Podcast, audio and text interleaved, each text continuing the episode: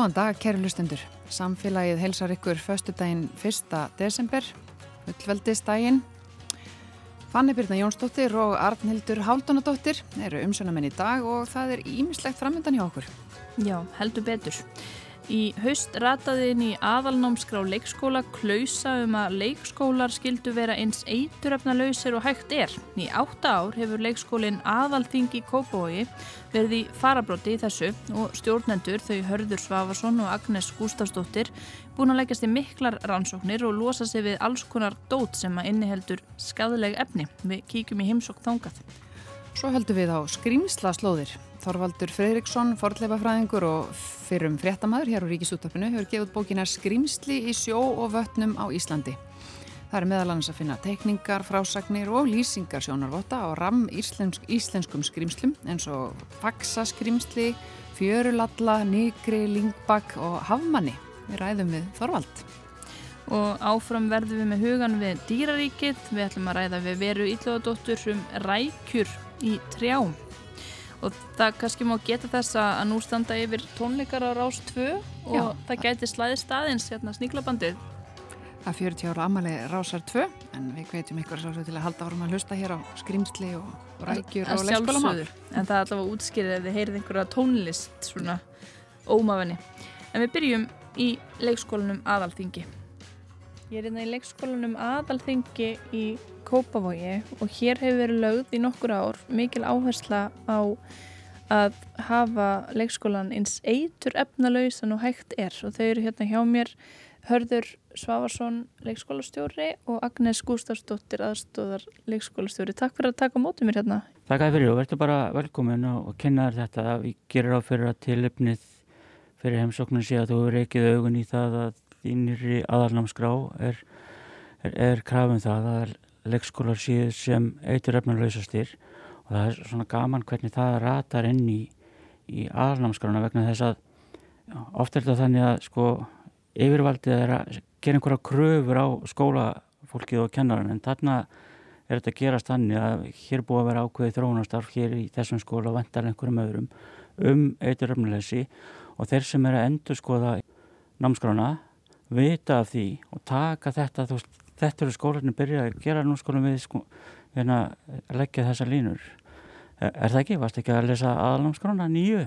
Jú, ég heyrði af þessum breytingum sem að gengu í gegn í, í haust að nú eigi allir leikskólar á landin að vera sem eitur efna lausastir eh, Agnes, þú þekkir söguna hérna, hvað var til þess að þið fóruð að leggja þessa áherslu á þetta og fóruð að pæla bara í því að það væru yfirleitt einhver eituröfni í umhverfi leikskólabarna í leikskólum? Eh, Hörðu getur kannski sagt betur frá því hvernig, hvernig þetta byrjaði en, en frá ornu 2015 hefur unni markvið staði í aðalting síðan eituröfnulegs leikskóli. Það kom eftir að þið fóru út í Svíþjóðar, er það ekki? Jú, við, við, vorum semst í námsferði Svíþjóð, námsferðir sem, sagt, sem við höfum farið í reglulega. Það er ekki bara til þess að geta hérna, drukkið freyðin og bar og við sáum hvað svíjarnir voru að undirbúa. Þeir voru að undirbúa bara komunum þarna í, í Stokkólmi var, var að leggja þessar línur að allir skólar ætti að vera eituröfnuleysur og við fórum að velta fyrir okkur afhverju og ákveðum að stökka á þennan vagn þegar við skildum hvaða er mikilvægt. Það er eitthvað mikilvægar að leggskólar séu eituröfnuleysur fyrir einhverjum margir aðri staðir eins og, eins og hérna til dæmis bara Vestlunin Krónan að börn er þar þá voru bara svona farið gegn með mamma og pappa uh, og það er, er mikilvægara heldur en, heldur en uh, grunnskólinn líka því að í, í leikskólanum eru börn mjög lengi þetta er lítill massi og þau leika sér gerðnan á gólfinu dvelja gerðnan á gólfinu þar sem að efni úr umhverfinu hafa tilningu til þess að sapnast fyrir. Og, og við vitum svo sem ekki hvaða árangur þetta er að skila hjá okkur þetta er að skila einhverjum árangri í mentun barnana því að þau eru þáttakandur í þessu verkefni en, en við veitum að svíjarnir meldu fyrir og eftir.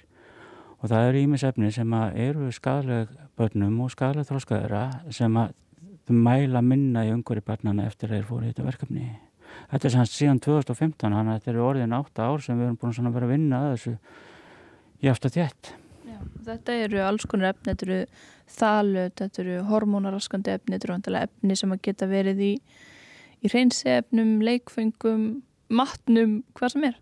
Jú, jú, hún, hún Agnes er efnasérfræðingurinn okkar og búin að stúdara þetta og, og hérna velta fyrir sér fjölda efnana og, en við erum eitthvað komin á það stað núna að við erum tilbúin til þess að fá svansvottun og ímsa hluta stafsamennar.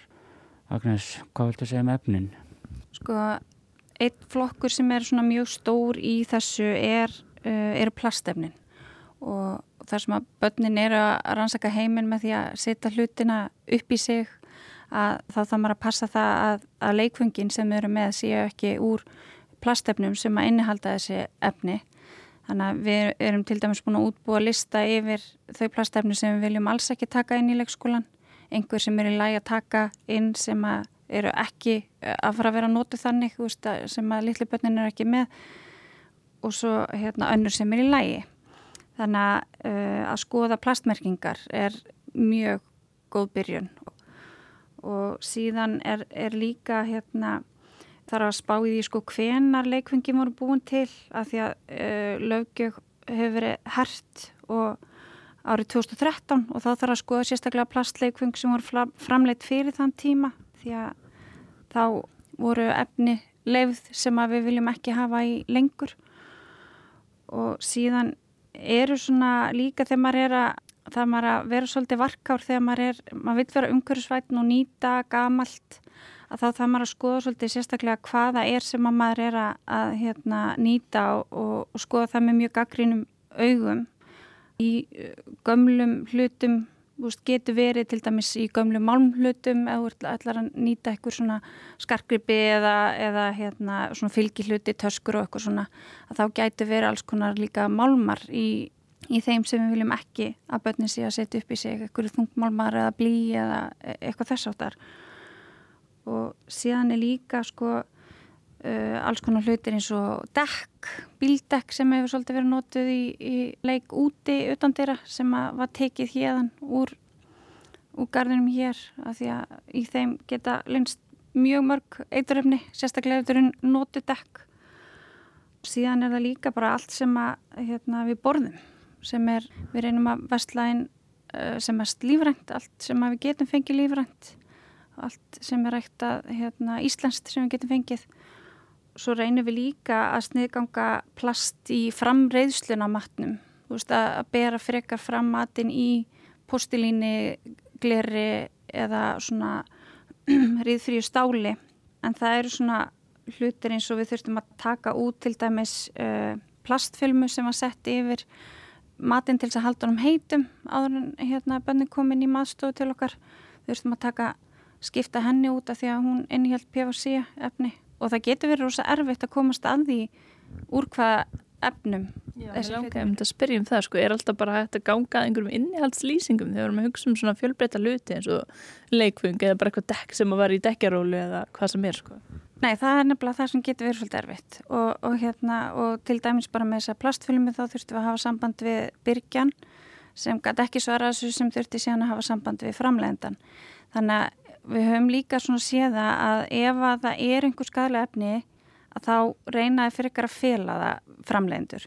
Þannig að ef, að, ef þetta er algjörlega eituröfnalaust þá reyna framlegendur svolítið að hampa því og maður þarf um þetta að passa sig á því þú veist þeir reyna að setja allar svona merkingar sem að kannski ekkert endilega við að veist, þetta borð sé vegan veist, en það inniheldur kannski eitthvað skadalegt plastefni þannig að maður þarf svolítið að passa sig á því að, að láta þessar hérna, merkingar ekki plata sig heldur að vera svolítið læs á merkingarnar.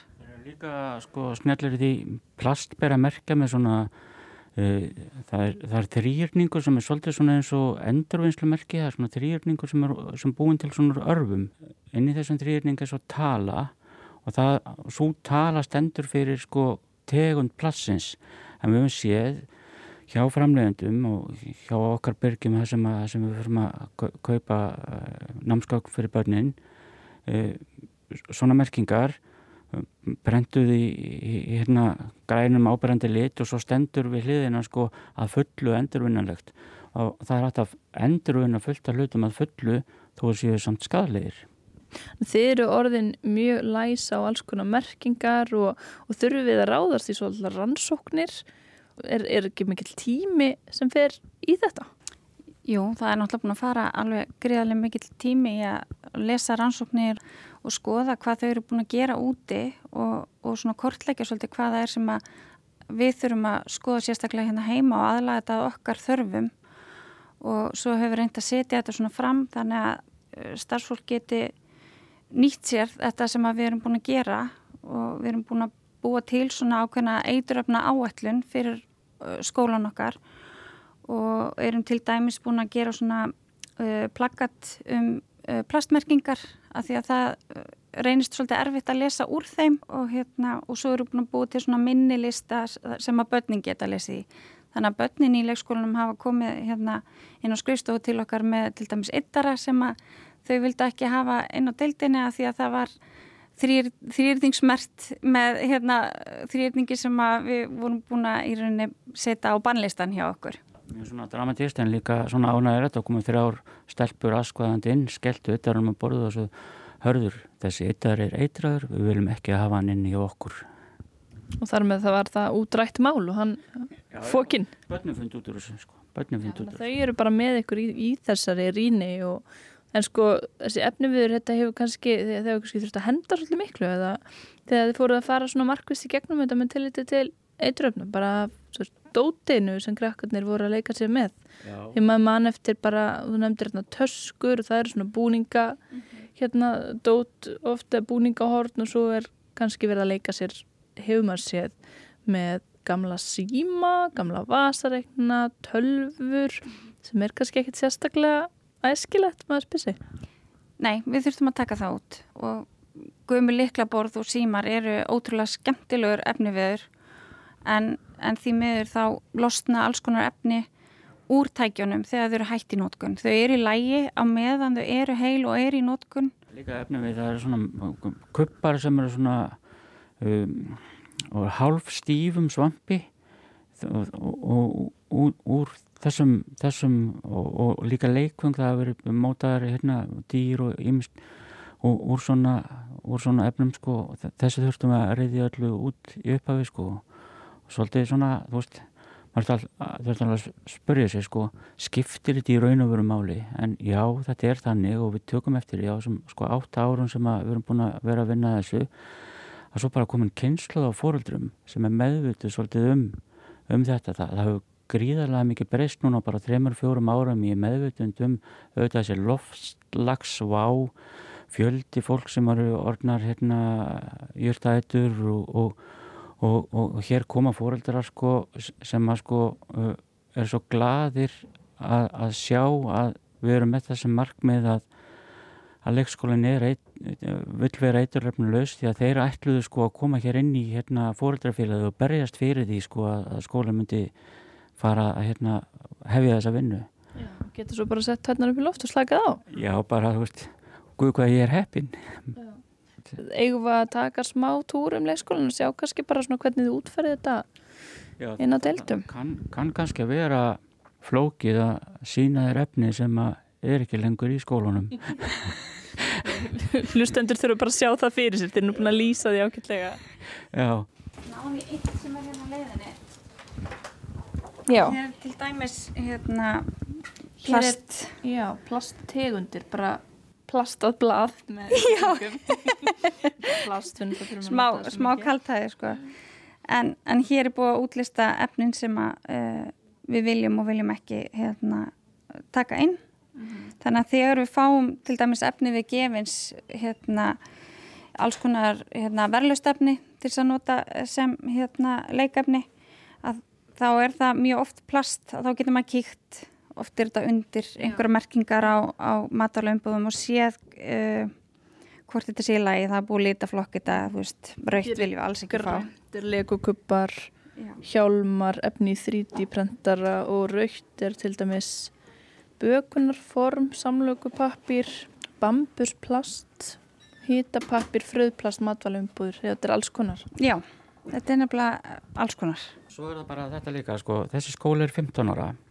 Hann er, er vel byggður, hér er eh, loftræstikerfi uh, þú finnur ekki þessa, þú veist, helbriðseftiliti er á hugtak sem heitir leggskólalikt og, og það segir manni mjög mikið. Það, það er einhver svona lykt sem er uppsöfnuð af raka og kannski þvægi og, og stöðnu lofti það er, það er ekki sko tilviljun að margir leikskólar er að mikla, þeir eru óloftrastir. Það er alltaf mikið af mannesku sem stafa raki af inniðum og, og þeir mikla en svo vitum við þó að þessi skóli sé byggður þá vitum við ekkert hvað er í þessum veggjum hérna. Eh, við erum að byggja núna, þjóðin er að byggja landsbytila hann er grætni gegn, það er allt vottað, hann er svansvottaður og, og umhverja fleiri vottanir. Og þegar að þetta er komið inn í aðalnamskrá að, að leikskólar eiga að vera sem eituröfna lausastir, þá lóta sveitafjöluðin og hugaði núna að allar nýja leikskólabyggingar séu vottaðar. Röldum aðeins inn á, inn á deild. Bossi, hæ.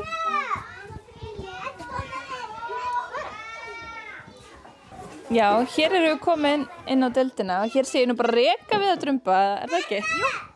Þeir, allt svona náttúrulegt efni er yfirleitt safe, þú veist, ef þú ert að hérna, týna drömba, löfblöð, köngla, allt svona er mjög góður efni við, jarðarleir, en svo erum við líka með hérna, alls konar viðarleikfeng, hérna erum við með einingaköpana og svo eru sko, hérna eru til dæmis plastflöskur en það er oftast þannig að ef þetta er gert fyrir matvæli ef þetta eru matvælindbúðir þá er það oftast í læja því að veist, þetta er gert til þess að halda utanum eitthvað sem við erum að fara að setja ofan í okkur. Þegar við pöntum inn uh, liti og málingu þá leitum við eftir einhverjum umhverjusmerkingum hér er legokupar svo komumst að því þegar fórum að, að hérna að skoða efnin í legoköpunum að það var ekki sama plastefni í öllum legoköpum það er mísæmt ok, er það mísæmt eftir litum eða eitthvað? það er, uh, þeir eru svona það eru til til dæmis svona mígriköpar sem eru til dæmis á skottum á dýrum eða einhverju svona aukar hlutir. Þeir eru oft úr öðrum plastefnum. Þannig að við ætlum svona að fara að sína fram á svona hvað verður auðvelt að lesa úr þessu og þá kom allt í hennu bara alveg heilt hellingur verkefni. Já, og ég hef, ég hef einhvern tíman heilt sko um þetta allt sem er mýgrað en legokupur og það getur verið Já. eitthvað hættulegt. Já, og það er eitthvað sem við höfum notað sem viðmið þegar það kemur eitthvað plastefni sérstaklega ef við sjáum ekki merkinguna ef, ef, ef við erum ekki með umbúðirnar erum við að fá eitthvað notað kannski að ef þetta er mýgrað en legokupur þá viljum við freka kannski bara sleppa því heldur en að taka eitthvað einn sem við erum ekki viss úr hverju það er. Það er að mjög mörgu að higgja greinilega. Já. Það er alveg...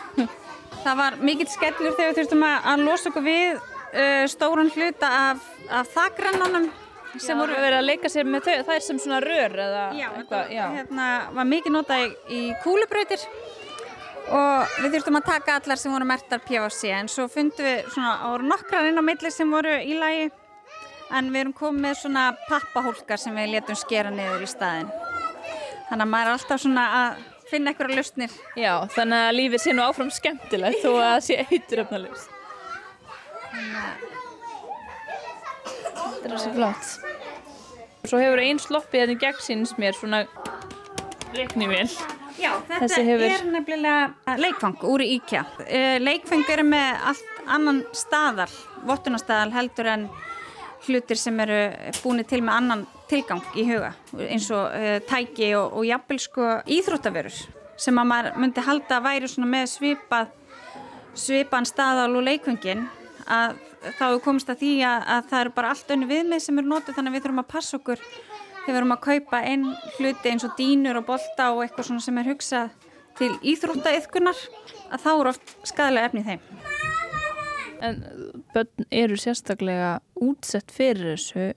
Hver er hættan eða, ferðaðans yfir það bara hvaða áhrif þessi eituröfni sem að eru í umhverfni í Svíþjóðu líklega hérna líka og vonandi minna mæli hérna eftir allar þessar aðgerðir ykkar. Hvaða áhrif þau geta haft? Já, það er, er þannig að við erum útsett fyrir margskonar efnum á hverjum einsta degi og það gerist með mörgulegðum eins og intöku, innöndun, snertingu við húð og mörg af þessum efnum sem við erum að komast í snertingu við eru alveg skadlus en svo er það þessi sem eru mögulega óg við heils okkur umhverju sem við erum að reyna að varast en svo er það náttúrulega þannig að við vitum mjög lítið um áhrif þess að verða fyrir samsetningu svona margra efna á sama tíma. Veist, þetta er kallað kóktel áhrif. En það sem við vitum þó er að ímest talut geta haft áhrif á hormonakerfi okkar, þau geta valdið ofnami, einbyttingar erfileikum, leitt til erfileika við eignast börn. Þessi þekktustu efni eru bönni í leikungum en við vitum samt ekki nóg um efnin sem er sett inn í staðin. Stað, staðgengilsefni sem á auðvun eftir kannski rannsaka alveg. Já, það er einmitt þannig og svo gerði uh, efnamiðstöðin í Stokkólmi uh, greiningu sem að síndi fram á að uh, leikfung geta innihaldi alltaf 45% af þalutum og þetta er náttúrulega sérstaklega slengt fyrir þessu ungu börn að því að heili og ónæmiskerfið er að, eru að þróast og þau eru miklu viðkvæmara fyrir áhrifum þessar efna. Þau eru líka í meiri hættu að því að þau borða hlutvælslega meira en fullornir, þau hafa þinri húð, þau anda örar, þau eru nær gólfinu þar sem efnalegarnar geta sapnast fyrir í reikinu eins og hörðu sæði. Og ef við getum haft einhver áhrif á að draga úr neikvæðum áhrifum á heilsu og þróska barnana þá bara ber okkur að gera ráðstafanir til þess að gera það. Og nú er þetta komið inn í aðalnámskrá, uh, þeir eru engar ekki leikskóli, er þetta, sko, er þetta færi hvaða leikskóla sem er að ráðast í þessa vinnu eða kannski er hægt að byggja svolítið á þeirri vinnu sem hefur verið unni hér og fleiri leikskólum?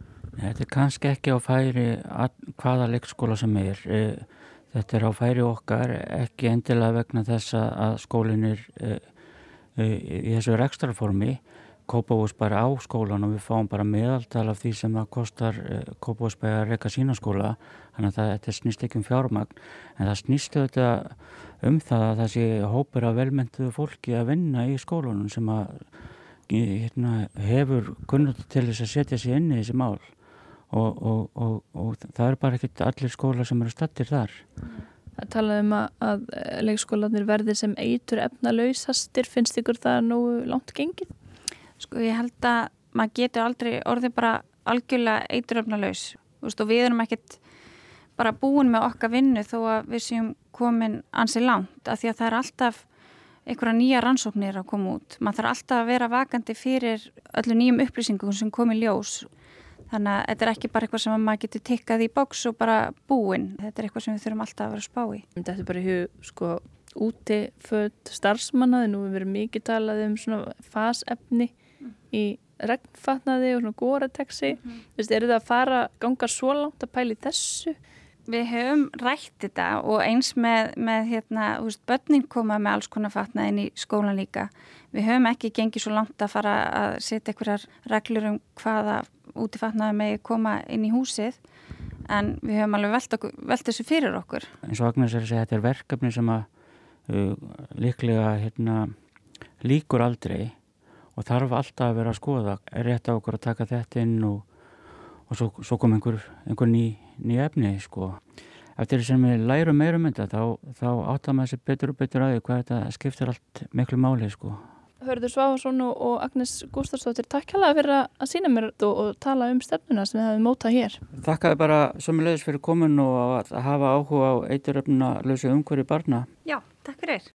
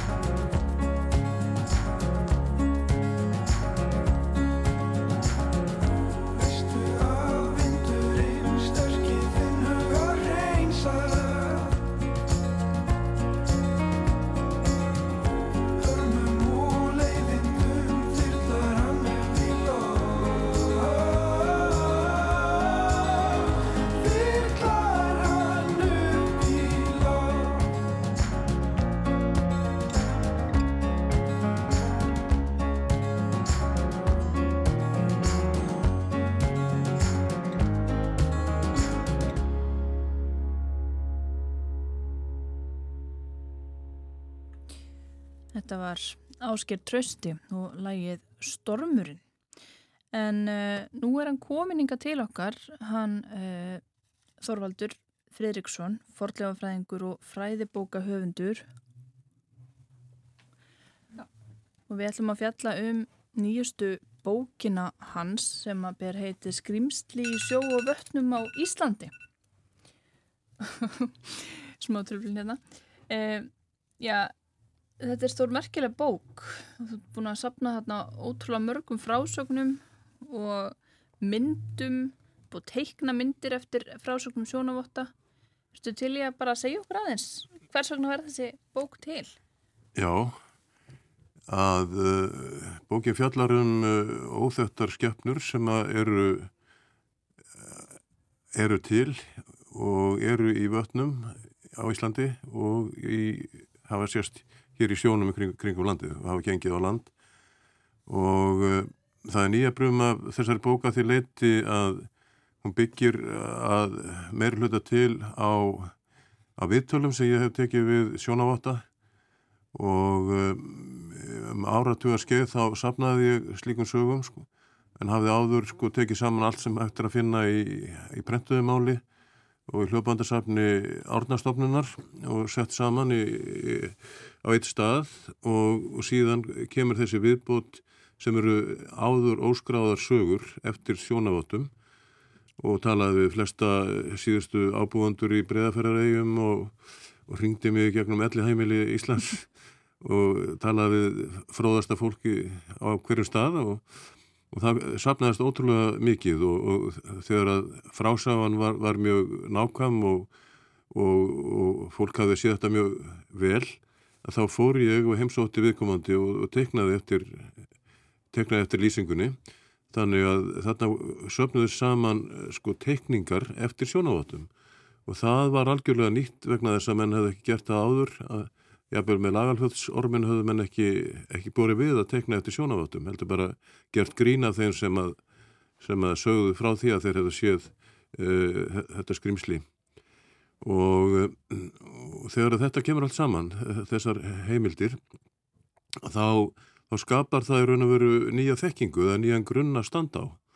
Þá er ekki hægt að segja, nei, þarna voru 200 mann sem sá ekki það sem við sáu. Því það hefur verið gert alveg frá því um 1900 að náttúrufræðingar ákváðu að skrýmslinn var ekki til og bara þurkuðu út úr náttúrufræðinni. Mm. Og svona gott dæmum það er að Bendit Gröndal sá merkið rítumundur, hann var náttúrufræðingur og hann skrifaði greinar, eh, mjög öflugar greinar um eh, svo kallega skrýmslatrú. Og svo kallega skrýmslatrú hamlaði framförum á Íslandi eins og hann orðaði það og hann heldi fram að þeir sem þættust sjá skrimsli þeir væri annarkvort sko heimskir menn eða illa mentaðir eða ómentaðir.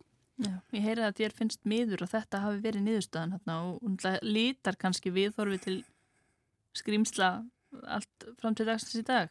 Þessi afstæða, hefur hún eitthvað breyst hjá vísindamönu? Já, hún er að breytast en, en þetta er afstæðan sko almennt í heiminum eða var hún var hjá British Museum að menn þurfti ekki að þó að það væri þúsund mann sem sæði eitthvað, eitthvað torkiðanlegt í Loch Ness þá þurfti menn ekki að rannsaka það vegna þetta væri ekki til. En svo komu komu svona víðsýnir víðsýnir náttúrufræðingar eins og Sir Peter Scott. Hann var svona Scotts pólarfara sem að sem fórst á Suðupólunum þegar var að reyna að komast ángað í keppni við Ámundsson en Eh, hann sagði sér svo að ef það eru þúsund mann sem sjá einhvað í Loch Ness að þá eigum við náttúrufræðingar að rannsaka það. Og, og það er það í raun og veru sem hefur orðið ofan á núna hjá vísínum náttúrufræðingu getum við sagt að, að, að þetta er allt, er allt sem bendir til þess að þetta séu e, dýr af náttúrunni vegna þess að þau skilja eftir sér spór og spór og skít, skítaklessur og uh, það ger ekki yfirskilvilleg eh, fyrirbæri eins og uh, draugar eða álvara huldufólk eða eitthvað úr anda, andaverunum. Þú gerir skýran greinamun á þessu, skrýmsli eru ekki einhverjar svona þjóðsakna personur. Já, og það er í raun og veru, það er merkilega með þessa bók og, og nýbreytnin er svo að þarna er ekki tekið hrúað inn einhverjum sko endalösum þjóðsugum sko eins og, eins og hefur verið gert og er allt í lægi og er mjög gaman að eiga og eiga myndir að líka og síðan gera, gera, gera þessar teikningar eftir sjónaváttum gera það að þetta er í fyrsta sinn komna svona almennilegar myndir af þessu dýrum. Fólki verðist bera svona einhver leiti mikið saman uh, um það hvað þau eru að sjá ofta mismunandi tímum, jável. Já. Já, mismunandi stöðum, það eru fjörulallarnir og hafmennir og Já. skelljaskrimslinn. Já, akkurat og það er nefnilega það sem að gerist þegar að þú ert með mikið efni og getur sko flokkað það og, og skoðað að það komi ljós tegundir og hafa ekkert að gera með sko tíman eða, eða manneskjöfum hvort það er prestur eða, eða bondi eða, eða sjómaður eða einhver eh, gamlir eða ungir sem sjá að lýsingarnar benda til sko tegunda. Og þetta eru að minnst okkur sex tegundur í sjó og svo höfum við þrjár í, í, í, í vötnum sem er, er fjallaður um í þessari bók. Já, og þær eru það er ekkert, ekkert um svona uh, já, skrimsli sem maður þurfa ekkert að vera í vatni. Þetta er ekkert uh, landskrimsli. Nei, nei það, þau þekkjast ekki hér ekki, ekki á Íslandi en við höfum náttúrulega bara í, í svona fornum sögnum höfum við sagnir um sko landdreka og í, í Við erum með þessi fjöll sko og óbyðir þannig að það er svona tækifæri kannski. Já, já, en, en við hefum gríðarlega mikið af, af vötnum, djúpum fjallavötnum sem eru ókönnuð nánast mm -hmm. og þau geima ímislegt margt merkilegt og menn hafa séð í mörgum vötnum sem vötnar gríðarlega skrýnslafötn. Við getum nefnt hestvatn í, í, Grímsnesi sem er í miðri byggð, bara rétt hjá sel, sel, Selfossi og Eh, kúrir undir hestfjalli þar sem að hvít á hvít á tekur beigju og þið þekkja þetta nú örgulega Já, ég er hérna mikið tengda fólkdur mínir með sömabústæðina við hestvatni Já, hestvatn er, er bara stórgóðslegt skriðslavatn og sögurnar þaðan eru það er bara, það er, það er, er týjir sagna. Og ein merkilegasta sagan er frá 1930 að það, þegar gerist að það voru þrjú skrýmsli sem leku sér í, í vatninu um miðan dag, tvö stór og eitt lítið minna eftir þessara ungi. Og þetta sást frá bænu Gjeldi og, og viðar að fjöldimars sá þetta og þetta voru postar að fara með postmilli milli bæja og þeir sá þetta líka og þetta þótti mjög merkilegt og, og það var það merkilegt að, að hrefstjórin á Kiðjabergi hann skrifaði í blöðin skrifaði merkagrein og lísti þessu nákvæmlega. Hvernig þetta voru dýr með langan háls og hala og, og bakið var svona eins og bátur og kvolvi en, en, en kjölur en svona tentur og ferfællingar. Og skildi eftir bara mikil spór þarna í, í þarri vík á gelti þar sem leikur sér. Og, og hrefstjórun hann, hann, hann skrifar merkagrein um þetta og spyr síðan Bjarnar Sæmundsson, Sæmundsson sem var aðal e, náttúrufræðingur Íslands á þeim tíma og sérstaklega hvað var það sjávar dýr, hvað þetta geti verið og Bjarni sem var alltaf eh, merkur náttúrufræðingur sagði að þar sem svona dýr var ekki til hlítið þetta hafi verið selir og ég talaði við sko sjónavatta sem eru enþá lifandi og sáu þetta. Og fólki var gríðarlega eh, reitt út í þennan vísidamann, þennan kall sem að vogaði sér að halda þið fram að, að vennulegur íslendingar vissu ekki hvernig seli líti lít út. -hmm. en og... Eh, já, þetta hafði síðan uh, skemmtileg uh, niðurstöðu vegna þessa að ég teknaði þess að eftir þessu sjónavattum og þetta er mjög, mjög, mjög flottar skemmnur og síðan gerist það að ég starfaði sem lengst af sem fréttamaður á fréttastofu útvars og eh, var sendur með hjálparstarfi kirkjunar ja, þegar var borgaristrið í Júkoslavíu og þar fer, ferðurist við með, með lúterska hjálparstarfinu og þar var yfirnaður Kanadamaður sem giftur var vietnæskri konu. Og ég spurði þau hafið, hafið þér okkur hert um skrimslafjötn hér í Júkoslavi? Nei, nei, en, en hún var uppalinn í, Hanoi í, í Vietnam og hún sagði, já, en í, í miður í Hanoi borg, sem er miljónum manna borg, er, er vatn sem heitir Sverðsvatn og í Sverðsvatni er skrimsli sem, sem mikla sögur fara af. Og það sést einu sinu á fyrsta fulla tungli í ágústmánuði. Já, sagði, hvernig, og, og hérna, og sýsti minn hefur séð það saman já, og hvernig lístu þið? já, hún lísti að það var, var eins og bátur á kolvi já, mér finnst það mjög merkilegt að því að það líktist lýsingum úr hestvatni.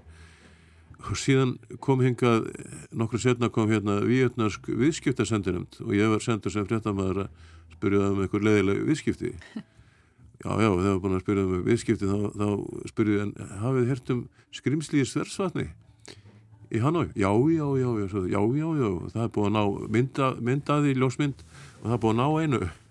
Já, búið að ná bara já, þá hræði það og það er myndaði í bókinni. Já, það er myndaði í bókinni og, og, og þeir gáða mér adressuna hjá profesor, dýrafræðiprofessor í Hanoi Háskóla sem að ég hafði samband við og hann sendi mér mynd af þessari skeppnu. Það var þetta áður óþögt risa, risa vatnarskjálpaka af óþrektri tegund sem fannst það inn í miðri Míljamanna borg sem, sem skrimsli undir, undir vinnuheitinu skrimsli Já. Það er stórkoslegt að hugsa til þess að í hestsvatni sé mögulega Já. sambærleg skemma Já, og þá getur maður spurt sér sko, ef þú getur haft svona inn í Míljamanna borg á þess að það uppgöðist, hvað getur ekki þá haft í íslensku fjallafötnum út um allt Ísland fyrir norðan, vestan og, og, og í hestvatni Einmitt Mm -hmm. Þetta er heilmikið rétt og berðast merkja þó að leiðið yfir þessu, já eins og þú lýsir sjálfur, árum saman, mm -hmm. uh, kannski verið hérna, áamálðitt bara. Uh, ég meina, hvað er maður lengi að sapna saman svona heimild? Já, þú ert náttúrulega aldrei búin að sapna, sapna slíku en það er alltaf, alltaf að bætast í, í þennar sarp og, og það merkilegast að getum að sagt er, er að það loksins, loksins þá náðist uh, ljósmynd að lagarhljóðs orminum. Og Já, það var þarna fyrir nokkur, var ekki myndband? Jú, það var myndband og Já. það var Hjörtur Kjærúlf, bónd á Hrakkjöldstöðum sem að okkar ágæti fréttamaður og eigirstöðum frendans, hann leta hann hafa myndbandsvél og hann var að æfa sér á myndbandsvélina og, og fyrsta myndbandi sem hann tók var myndband að lagarhljóðs orminum sem þykir það merkilegt að það var sett á netið sko og, og það eru svona 20 miljóna sem hafa skoðað það. Já, og best... erlendir fréttamenn sem hafa komið á því röðum Já, Já, og þetta er besta myndband á skrýnsli bara í heiminu sem til er.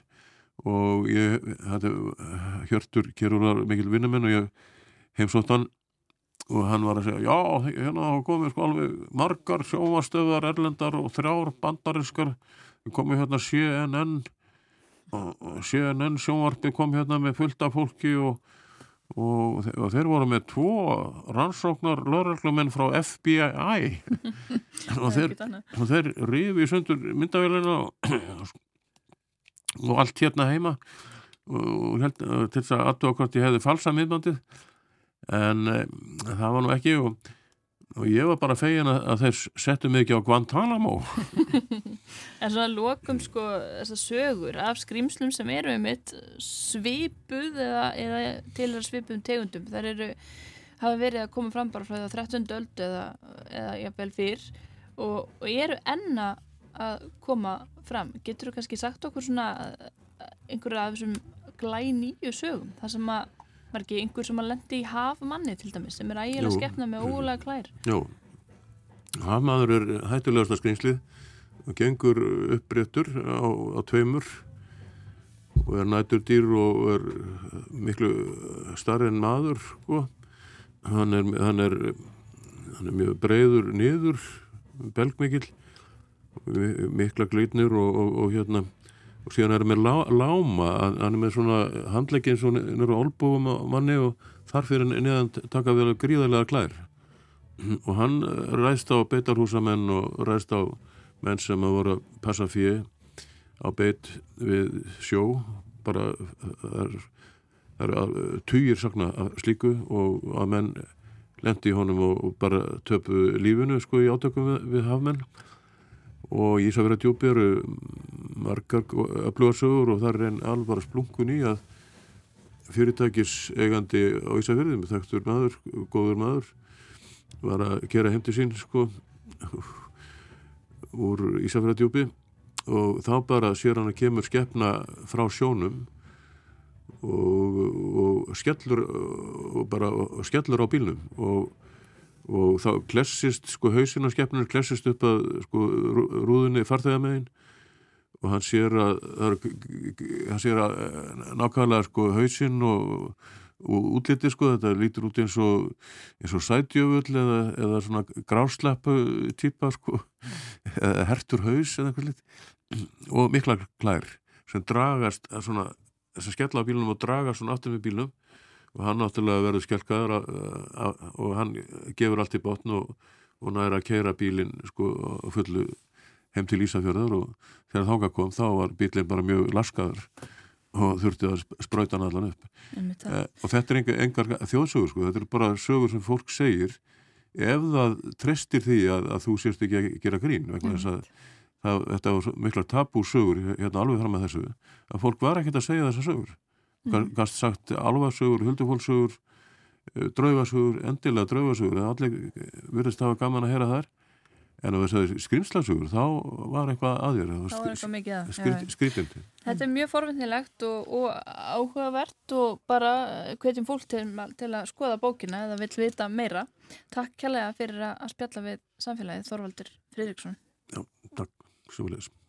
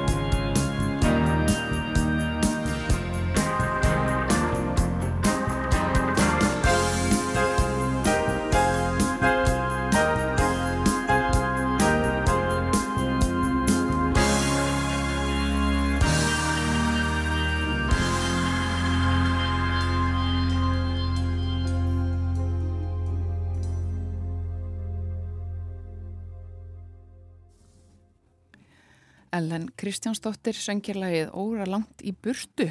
En þá er hún komin til okkar uh, góðunur þáttarins Vera Ílludóttir og það er dýraspjall Vera. Komið sælar, mig uh, langaði já til þess að uh, segja frá fregnum af uh, mjög áhugaverðum leiðangri sem að uh, fjalla hefur verið um í, í fjölmiðlum og vísindaritum uh, núna síðustu vekur.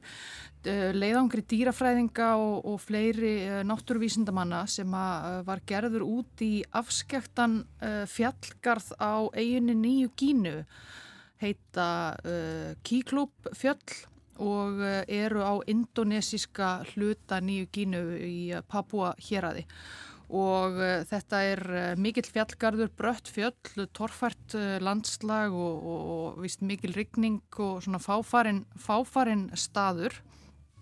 Og mjög fjölbreytt dýralíf og margt sem á eftir að rannsaka held ég að megi fullir það þarna í fjöllunum. Og það voru sem sé vísindamenn fyrst og fremst við Oxford háskóla sem að eh, fóru þarna í, í sumar og eh, unnuransóknir í samstarfi við eh, íbúa á svæðinu sem leiðis og það er mjög almennt á nýjuginu, mjög fjölbreytt dýralíf og, og framandi fyrir okkur hér og þar leynast held ég með fullir það ótalmarkar ráðgátur ennþá og óuppgötuðar tegundir. Ímislegt Eh, sem að getur komið, magna sem að getur komið fyrir uh, vökkula vísindamenn á, á þessum slóðum. Það er kannski að rifja upp fregnir frá því fyrir uh, nokkrum árum 2018 þá var breskur orkidöfræðingur á ferðum frumskó uh, nýju gínu að leita að já, framandi orkidöfu tegundum. Uh, sem hann gerði held ég en uh, það sem hann gerði einnig var að hann kom auga á upp í trjánum uh, trjákenguru sem eru dýrskild frægari stóru kengurunum, litlar og loðnar. Og smelti mynd af, af henni og í, raun, og í ljós kom síðan við, við nánæri rannsóknir að þessi trjákengura var af sérstakri tegund sem að, sem að ekkert hafi þá spurst til í, í 90 ár. Þannig að hann fann þarna nýja eða tegund sem áður var talin útdauð. Gleðið fréttir. Miklar gleðið fréttir og ímsa svona sögur sem, a, sem að koma frá nýju gínu með reglulegu mellibili og uh, sannar gleðið fréttir úr þessum nýja leiðangri til uh, Kíklópfjalla. Þar rákust uh, vísindamenninni nefnilega á tegund af mjónef sem hefur ekki sérst frá árinu 1961 og sömulegis var talið að væri mögulega útdauður. Mjónefir, það eru dýr sem að kallast ekidna eh, á ennsku eh, og eru á Nýju Gínu og í Ástralíu og þannig kring.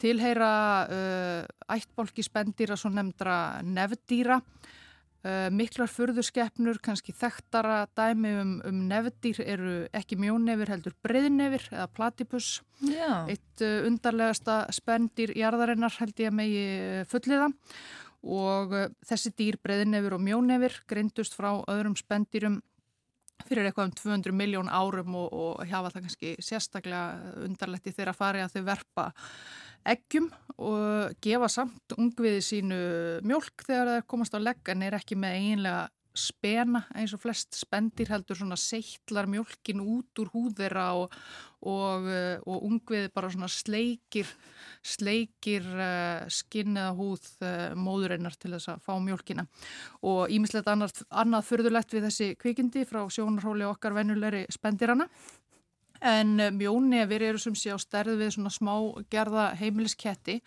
eru með miklu mjóra nef eða, eða, eða gogg Eh, heldur en breyðnefurinn líkist kannski helst trínin á maurætu.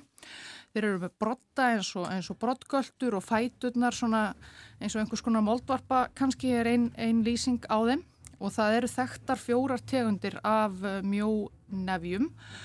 Af hverjum einn tegund eða stutt mjónefurinn er eh, mjög algengur viðsvegar um Ástralju en hinnar þrjár tegundirnar eru allar mjög sjálfsíðar og þara var ein tegund uh, mögulega talin reynlega útdauð. Og svo heitir uh, kannski uh, kaldaðnislega Mjónefur Attenboros, nefndi eftir uh, sjónvarsmanninum fræga. Og það var hollenskur grasafræðingur sem að, uh, var á ferð um uh, þess, þennan fjallgarð sem að uppgötuði hana 1961 þá var Indonesia enn undir hollenskum völdum og uppgötaði sem sé eitt dýra þessari tegund sem að greinilega var, var skilgrein sem ný tegund og, og, og, og fyrirfinnst nú bara sem uppstoppa kvikindi á einhverju, einhverju safni og síðan hefur aldrei meira spurst til þessar tegundar og ymsir vísindamenn sem hafa farið þarna upp í fjöllin að leita að þessari tegund uh, án árangus þar til núna. Það sem að þessir bresku vísindamenn uh, gerðu var að þeir settu upp uh, myndavelar viðsvegar um þennan, þennan fjallgarð og fóru síðan í gegnum gríðalett magn af myndefni og á myndunum þar náðu þeir í eitt skipti mynd af, af þessari tegund sem að, sem að greinilega er og þannig að þeir geta sem sé sleiði fram að Mjón yfir Attenboros er, er enn meðalvor þrátt fyrir að ekki tafi spurst til hans frá því 1961. Þetta er virkilega gleðileg tíðindi en Já, tíminn látt, hleypur, tímin hleypur á okkur alveg Já, svo verði hérna. ég, verði ég að nefna á hlaupum bara þegar uppgötuðu þetta margt annað. Fjölmarkar nýja tegundur einar af alls konar smákvíkindum, froskum og fleira og það sem að meira var uh, fundu áður óþekta tegund af, af rækju eða krabbadýri, þeir kallaða sjálfur rækju þó að það sé kannski ekki uh, alveg skilt okkar rækju, en þessi rækja býr uh, ekki í vatni heldur í, í trjám Já. Uh, það eru til uh, aðra tegundir uh, af rækjum sem að hafast við, við ströndina en ekki kannski uppi í fjöllum en þessar rækjur eru út um allt þarna í fjöllunum pínuleitlar eins og hrísgrón og eru þarna í, í trjám og í mold og undir steinum og út um allt. Þetta er Þetta hefur verið árangursríkur uh, leðangur hjá þessum orkidegu fræðingi þannig uppálega. Já, mjög árangursríkt og já, uh, aðal aðtiklinn beinst að uh, þessum mjónef en þessar rækjufregnir finnst mér ekki síður uh, merkilegar. Ég kann ekki meira að segja frá þessari rækju en, en vonandi fáum við fleiri fregnir af uh, rækjunni í trjánum. Fylgjus með í samfélaginu. Það er mjög spennandi. Takk hella fyrir þetta, vera ílvaðadóttir með rækjurnar í trjánum og fleiri dýr sem voru talinn uh, farin frá okkur en eru, eru enn meðal vor og við látum samfélaginu lokið í dag og óskum ykkur hlustendur eh, óskum, óskum ykkur góðrar helgar. Verðið sæl.